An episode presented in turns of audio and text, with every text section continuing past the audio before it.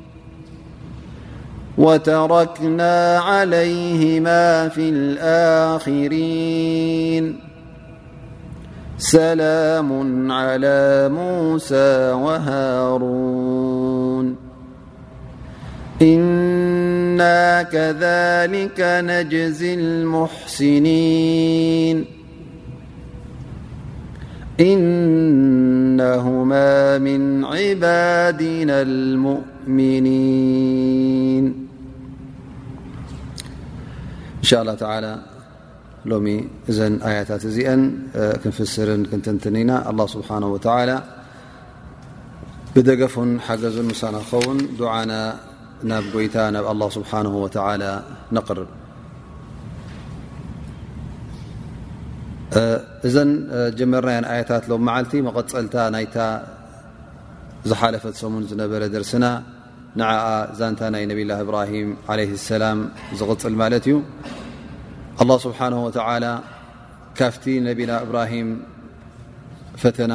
ዘእተዎ እንታይ ነይሩ ማለት እዩ ንወዱ ንውላዱ ንክሓርዶ ኣላ ስብሓን ወተላ ብሕልሚ ውሓይ ኣውሪድሉ ማለት እዩ ወሩእያ ኣንብያ ሓቅ ኣንብያ ድማ ብለይቲ ብሕልሚ ዝርእዎ እንታይ እዩ ዋሓይ እዩ ዝቁፅር ስለዚ ነብ ላ እብራሂም እኒ ኣራ ፊ ልመናሚ ኣኒ ኣዝበሖክ ምስ በሎ ብ እቲ ሩእያ ወይከዓ እቲ ዝረኣዮ ሕልሚ ሓቂ ሕልሚ ስለ ዝኾነ እዚ ሕልሚ እ እዚ ሩእያ እ ዝረኣኽዎ ውን እንታይ ክኸውን ማለት እዩ ኣብ ግብሪ ክውዕል ኣለዎ ኣን ላ ስብሓን ወላ ስለ ዝኣዘዘኒ እዩ እዚ ነገር እ ዝረኣኽዎ ኢሉ ንወዱ ውን ይገልፀሉ ማለት እዩ ላ ስብሓን ወተላ ሕጂ እነሀ እቕፅል ኣሎ እቲ ጉዳይ ከመይ ከም ዝነበረ መርገፅ ናይ ነብላ እብራሂም ለ ሰላም እንታይ ነይሩ መርገፅ ናይ ወዶም ከዓ እንታይ ከም ዝነበረ ኣላ ስብሓን ወተላ እነሀ ኣብዚ ኣያ እዚኣ እውን ነገሩና ኣበቲ ነብላ እብራሂም ለ ሰላም ነቲ ትእዛዝ ኣብ ግብሪ ከውዕሎ ምዃኑ ንወዱ ነጊርዎ ማለት እዩ እቲ ውላዱ እውን እቲ ትእዛዝ ናይ ኣላ ስብሓን ወተላ ካብ ኮነ ኣነ እውን ይቕበሎ ኢሉ ተቐቢልዎ ማለት እዩ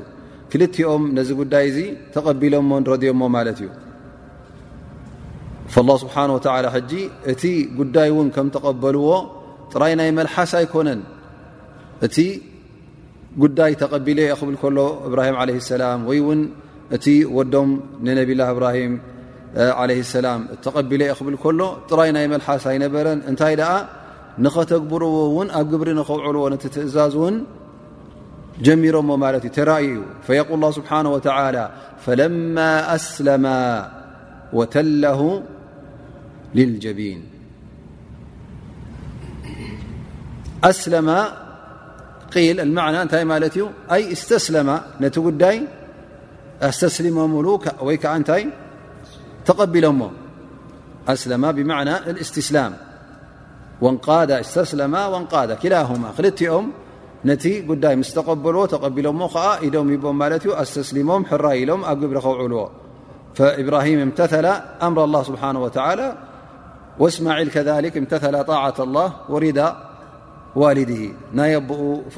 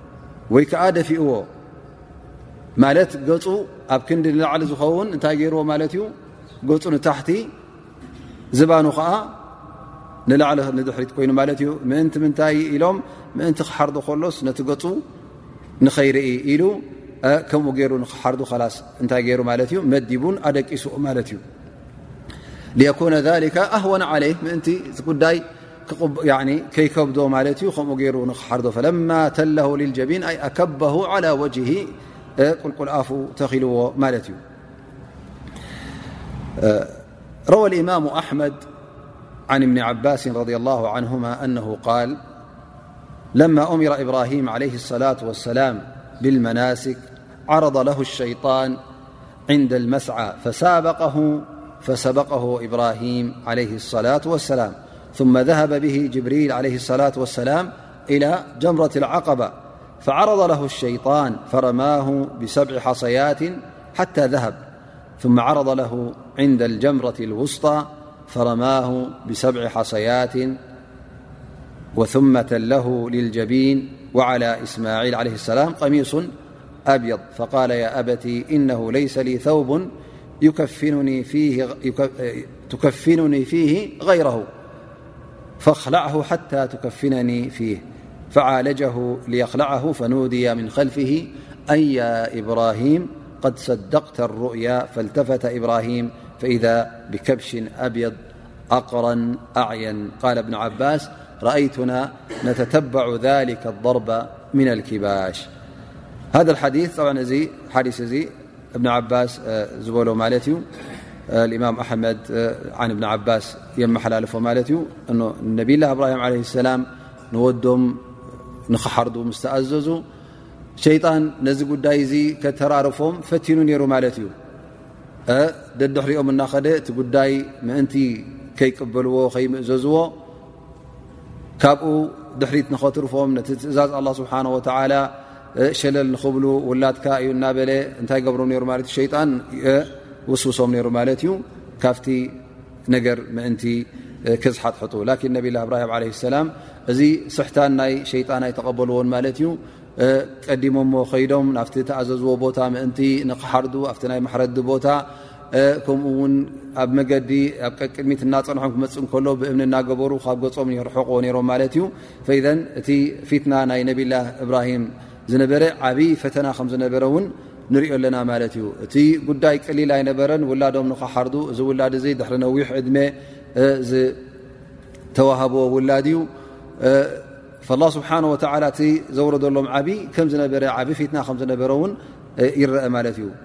ሸይጣን ብወገኑ እውን ንኸሰሓሕቶም ንኸጋግዮም እውን ይፍትን ነይሩ ላኪን ኣላ ስብሓን ወተላ እዚ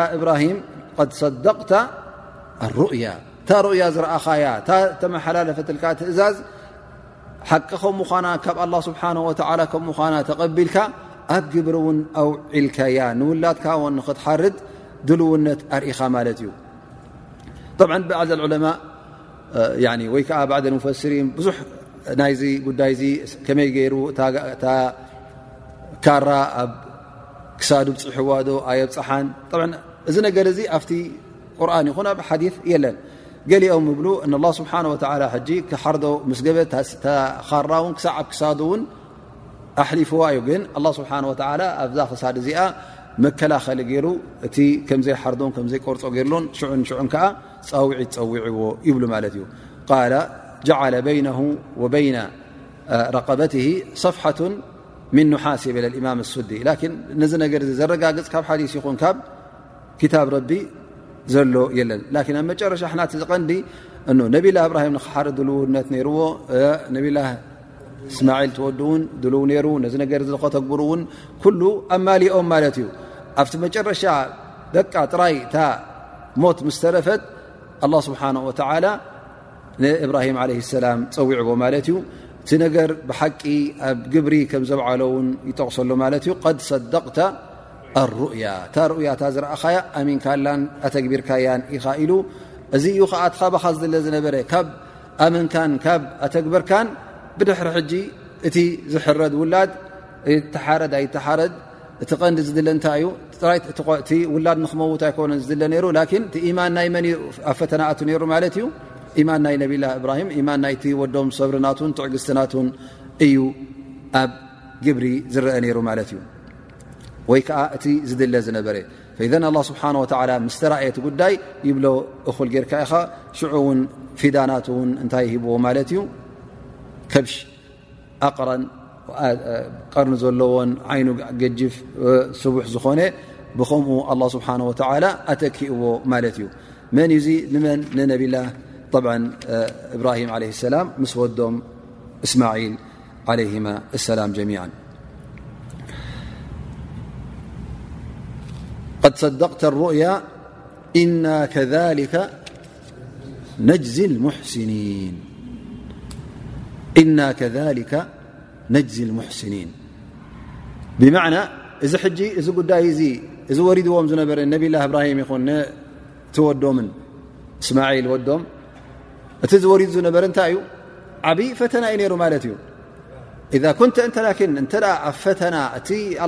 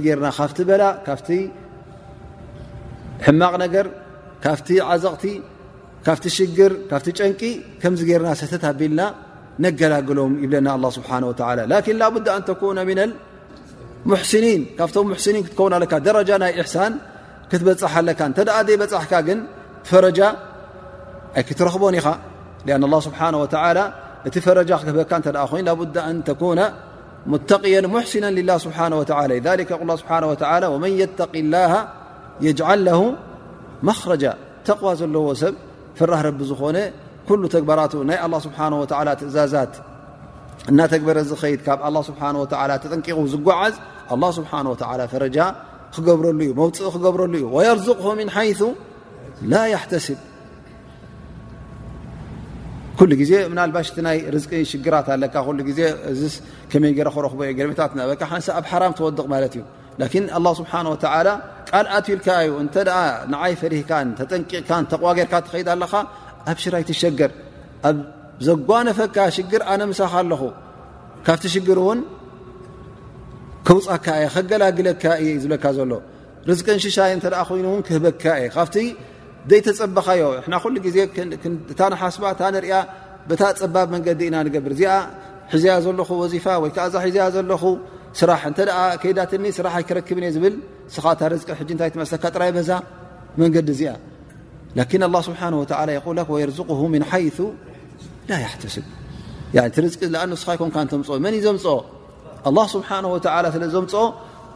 እሱ ስለ ዝቆፃፀሮ እሱ ስለ ዝህብ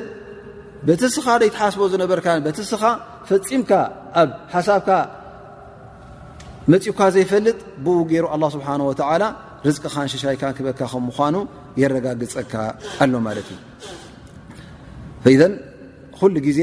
ኣላ ስብሓን ወተዓላ እቶም ሙሕስኒን እቶም ፈራሃት ረቢ ይዐውቶም ከም ምኳኑ እዘን ዛንታ ዝጠቕሰልና ዘሎ ናይዞም ኣንቢያ እተ ርእና ውን ኩለን ሕጂ ከምኡ ገይሩ ይኸትመልናን ወይ ከዓ ይዓፅወልና ኣሎ ማለት እዩ እና ከሊካ ነጅዚ ሙሕስኒን እና ከሊካ ነጅዚ ሙሕስኒን እናበለ ነተን ኣያታት ሕጂ ዛንታ ናይ ነቢ እንታይ ኣጓኒፍዎ እንታይ ሽግራት ነይሩ ምስ ገለፀ ኣብ መጨረሻ ከመይ ገይሩ ኣላ ስብሓን ወተላ ከም ዘገላገሎን ጠቒሱ ከምዚ ገይርና ኢና ከዓ ነቶም ፈራሃት ረቢ ነገላግሎም ይብለና ኣላ ስብሓን ወተላ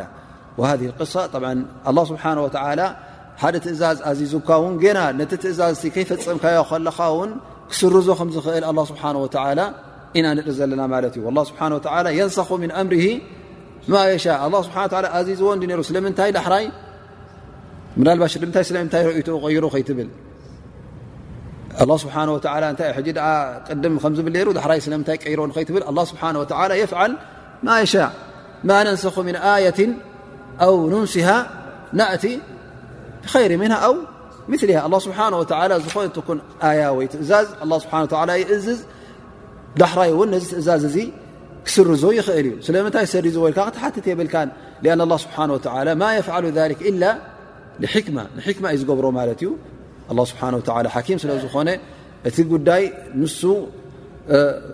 ዘይፈልጥ ነሩ ወይ ከዓ ንስኻ ትገብርን ዶ ኣይትገብርን ዘይፈልጥ ኣይኮነን ከም ትገብሮ ከምዘይትገብሮን ይፈልጥ እዩ ላን ኣላ ስብሓን ወላ ንዓኻ ኣብ ምንታይ የእትወካ ሎ ኣብ እብትላ ኣብ ፈተና የእትወካ ኣሎ ማለት እዩ እንተ ተዓዊትካ እተ ነዚ ፈተና ዝሰጊርካዮ ኣጅርኻ ክትረክብ ኢኻ እንተ ኣብዚ ፈተና ዘወዲቕካ ከዓ መቕፃዕቲ ኣለካ ማለት እዩ ፅባሕ ንግሆ ናባ ኣላ ስብሓን ወላ ኣነ እፈልጥ ነረ ንስኻ ከምዘይትገብር ንዓን ጃሃነብ እቶ ተበለካ እንታይ ክትብል ኢኻ ኣላ ኣነ ዕደት ተትበና ኣነ ካብቶም ዕዉታት ምኾንኩ ነረ ክትብል ኢኻ ሓታ ላ የኮነ ለካ ጃ ኣላ ስብሓን ወላ ኣብዛ ኣዱንያ ከለካ እውን እንታይ ገብረካ ኣሎ ማለት እዩ ይፍትነካ ኣሎ ላ ስብሓን ወላ ዓልም መን ሰዩእምን ወመን ሰየክፍር መን እቲ ዝኣምንን ቲ ዝኽሕድን ኣ ስብሓ ወ ይፈልጦ እዩ መን ትእዛዝ ዝቕበል መን ዘይቅበል ኣ ስብሓ ይፈልጦ ዘይፈልጦ ኮይኑ እዚ ይቕበል ዶ ይቅበልን ንኽፈልጥ ነዚ ትፅቢት እዙ ኮነን ዝእዝ ዘሎ ኣ ስብሓ እነማ ስብሓ ንዓኻ ንኽፍትነካ ስለ ዝኸለቀካ ኣብ መርመራ ንክእትወካ ውን ስለ ዝኸለቀካ ተፍቲ ባዳ ናቱ ስብሓ ወ ፅባሕ ንግሆ ጃ ንኸይትረክብ ኣብቲ ፈተና የውድቐካ ኣሎ እስኻ ኸዓ በቲ ኣላ ስብሓን ወተላ ዝሃበካ ፍልጠትን በቲ ኣላ ስብሓን ወተላ ዝሃበካ ኣእምሮን ዓቕልን ምእሚኻ ነቲ ሓቂ ንኽትቅበል ነቲ ኮንቱ ኸዓ ንኽትነፅግ እዚ ናትካ ታራ ስለ ዝኾነ ላ ስብሓን ወ በቲ ዝሃበካ ክእለት ብኡ ገይሩ እዩ ዝምርምረ ካብ ዓቕምኻን ካብ ክእለትካ ንላዕለ እውን ኣይኮነን ዝምርምረካ ዘሎ ስለዚ እዚ ናትካ መስኡልያ ወይከዓ ናትካ ሓላፍነት ስለ ዝኾነ በታ ሓላፍነትካ ኣላ ስብሓን ወተላ ውን ኣብዚ መርምራ ወይ ከዓ ኣብዚ ፈተና እዚ የውድቐካ ኣሎ ማለት እዩ ፈየቁል ስብሓ እነ ሃذ ለህወ ልበላ ልሙቢን ላ ስብሓን ወተላ እዚ በላ እዚ እዚ ሽግር እዚ ናብ ነብላ እብራሂም ናብ ወዱን ዝወረደ ዓብዪ ግሉፅ ዝኾነ ፈተና ከም ዝነበረ ብሩህ ዝኾነ ፈተና ከም ዝነበረ ኣላ ስብሓን ወተላ ይገልፀልና ማለት እዩ ኣብዚ ፈተና እዚ እውን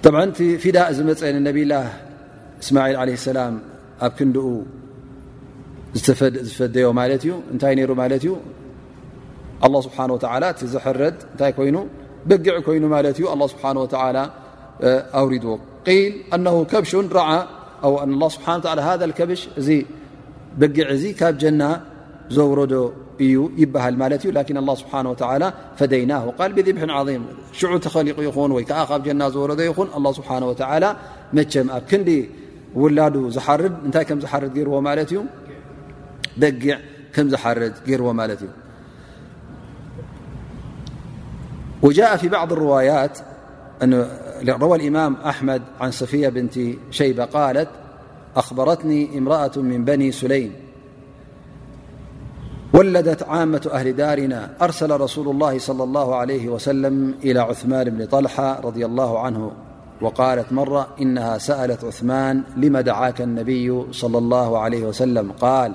قال لي رسول الله - صلى الله عليه وسلم إني كنت رأيت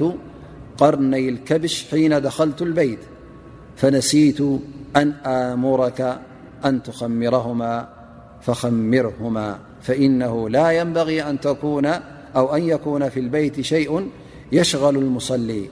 قال سفيان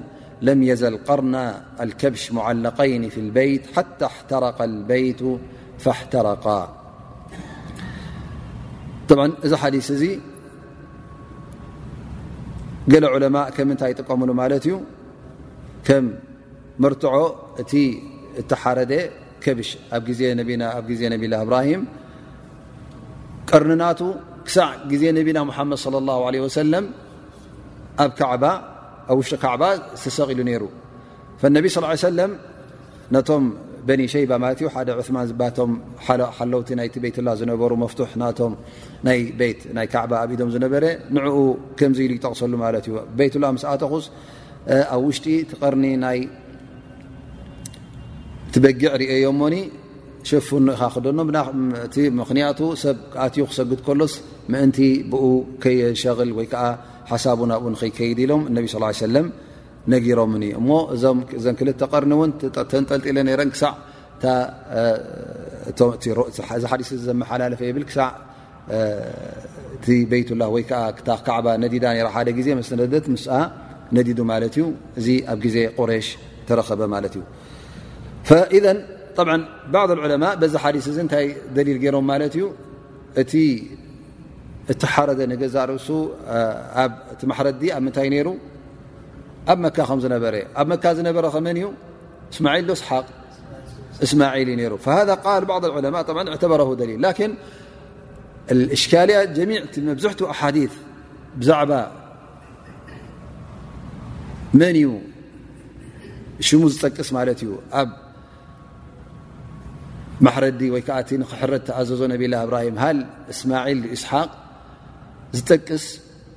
ቁኑዕን ከምኡ ውን ብሽም ዝጠቅስ የለን እነማ መብዝሕቱ ሓዲስ ዝወረደ ገሊኡ ወይ ከዓ መውض ይኸውን ወይ ዓ እንታይ ይኸውን ማለት እዩ ገሊኡ ከዓ ضዒፍ ስለ ዝኾነ ሕጂ ዑለማ እቶም ኣስሓብ ነቢ ንገዛእ ርእሶም ውን ተፈላለየ ርእቶ ሂቦምሉ ማለት እዩ ገሊኦም እስሓቅ ኢሎም ገሊኦም ከዓ መን ኢሎም እስማዒል ኢሎም ማለት እዩ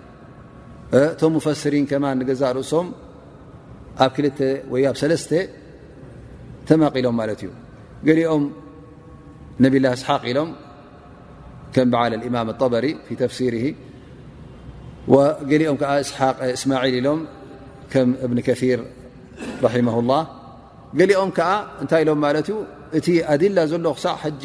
ስለ ዘይበርሃልና ብስም እውን ተጠቕሰ ኣብ ክታብ ይኹን ኣብ ክታብ ረቢ ይኹን ኣብ ሱና ነቢና ሓመድ ስ ሰለም ዝመፀ ቅኑዕን ብሽም ዝቆርሕን ስለ ዘየለ ገሊኦም እብሉ ያክንሕና እንታይ ንገብር ማለት እዩ ነተወቀፍ እዚ ንብል እዚ ንብል ዘይ ልእማም ሸውካኒ ወልኣሉሲ ሕጂ ከምኡ ኢሎም ነተወቀፍ እብሉ ማለት እዩ እቲ ጉዳይ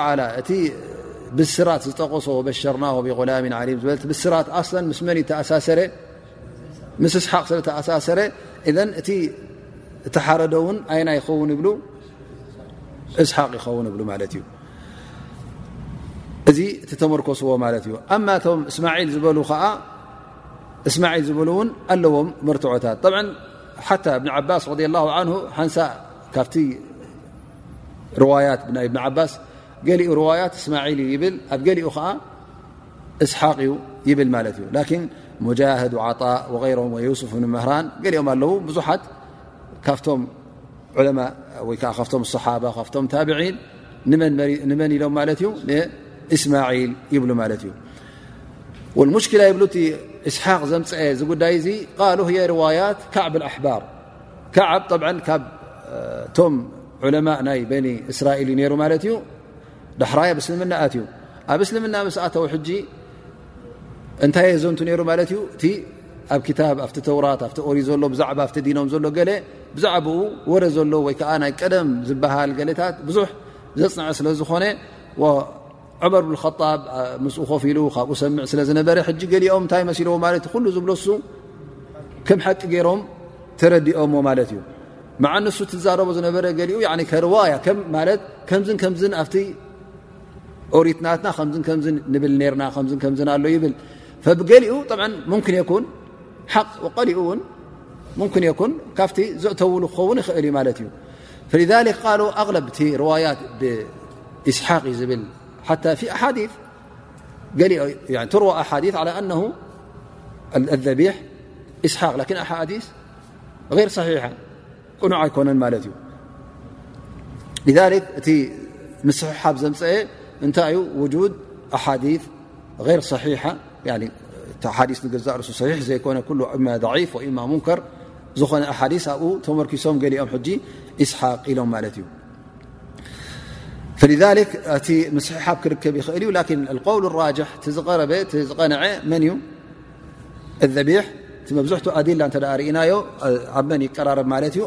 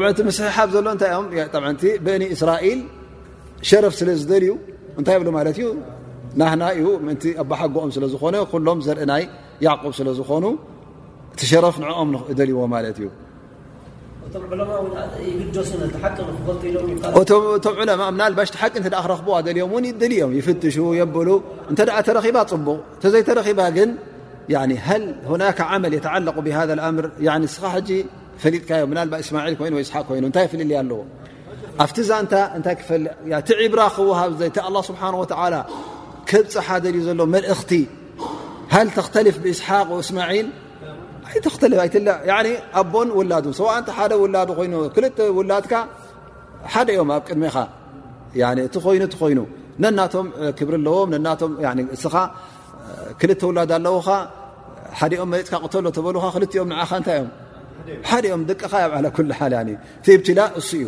እቲ ዕብራ ክብፃሕ ደልዎ ይ ኣላ ስብሓን ወላ እቲ ትምህርቲን እቲ ተመክሮ ወይ ከዓ እቲ ክንወስዶ ኢልና ስብሓ ወ ኣብነት ክንወስዶ ዝበና ዘሎ እንታይ እዩ ኣላ ስብሓን ወ ነብላ እብራሂም ኣብ እብትላ ኣብ መርመራ ከም ዘውዓሎ ምስ መርመሮም ኣብ ፈተና እውን ምሰውዓሎ ከመይ ገይሩ ነዚ ፈተና እዚ ከም ዝሰገረ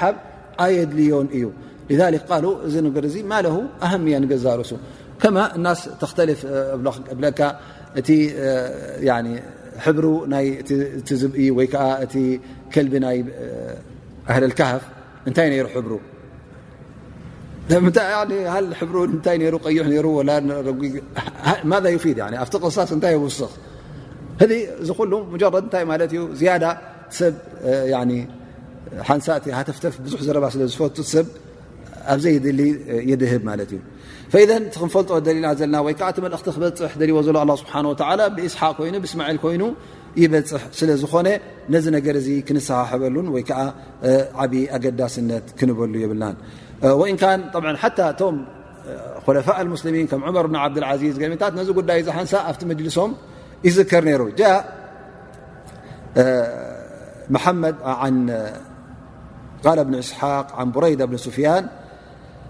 ابن فروى الأسلمي عن محمد بن كعب القرضي أنه حدثهم أنه ذكر ذلك لعمر بن عبد العزيز - رضي الله عنه وهو خليفة إذ كان معه بالشام فقال له عمر إن هذا لشيء ما كنت أنظر فيه وإني لأراه كما قلت ثم أرسل إلى رجل كان عنده بالشام كان يهوديا فأسلم وحسن إسلامه وكان يرى أوأنه من علمائهم فسأله عمر بن عبد العزيز - رضي الله عنه عن ذلك قال محمد بن كعب وأنا عند عمر بن عبد العزيز فقال له عمرامر بن عبد العزيز هو الخليفة من يأليسأل هذا اليهودي الذي أسلم أأ بني إبراهيم أمر بذبحي فقال إسماعيل والله يا أمير المؤمنين وإن يهود لتعلم بذلك ولكنهم يحسدونكم معشر العرب على أن يكون أباكم الذي كان من أمر الله فيه والفضل الذي ذكره الله تعالى منه لصبره لما أمر به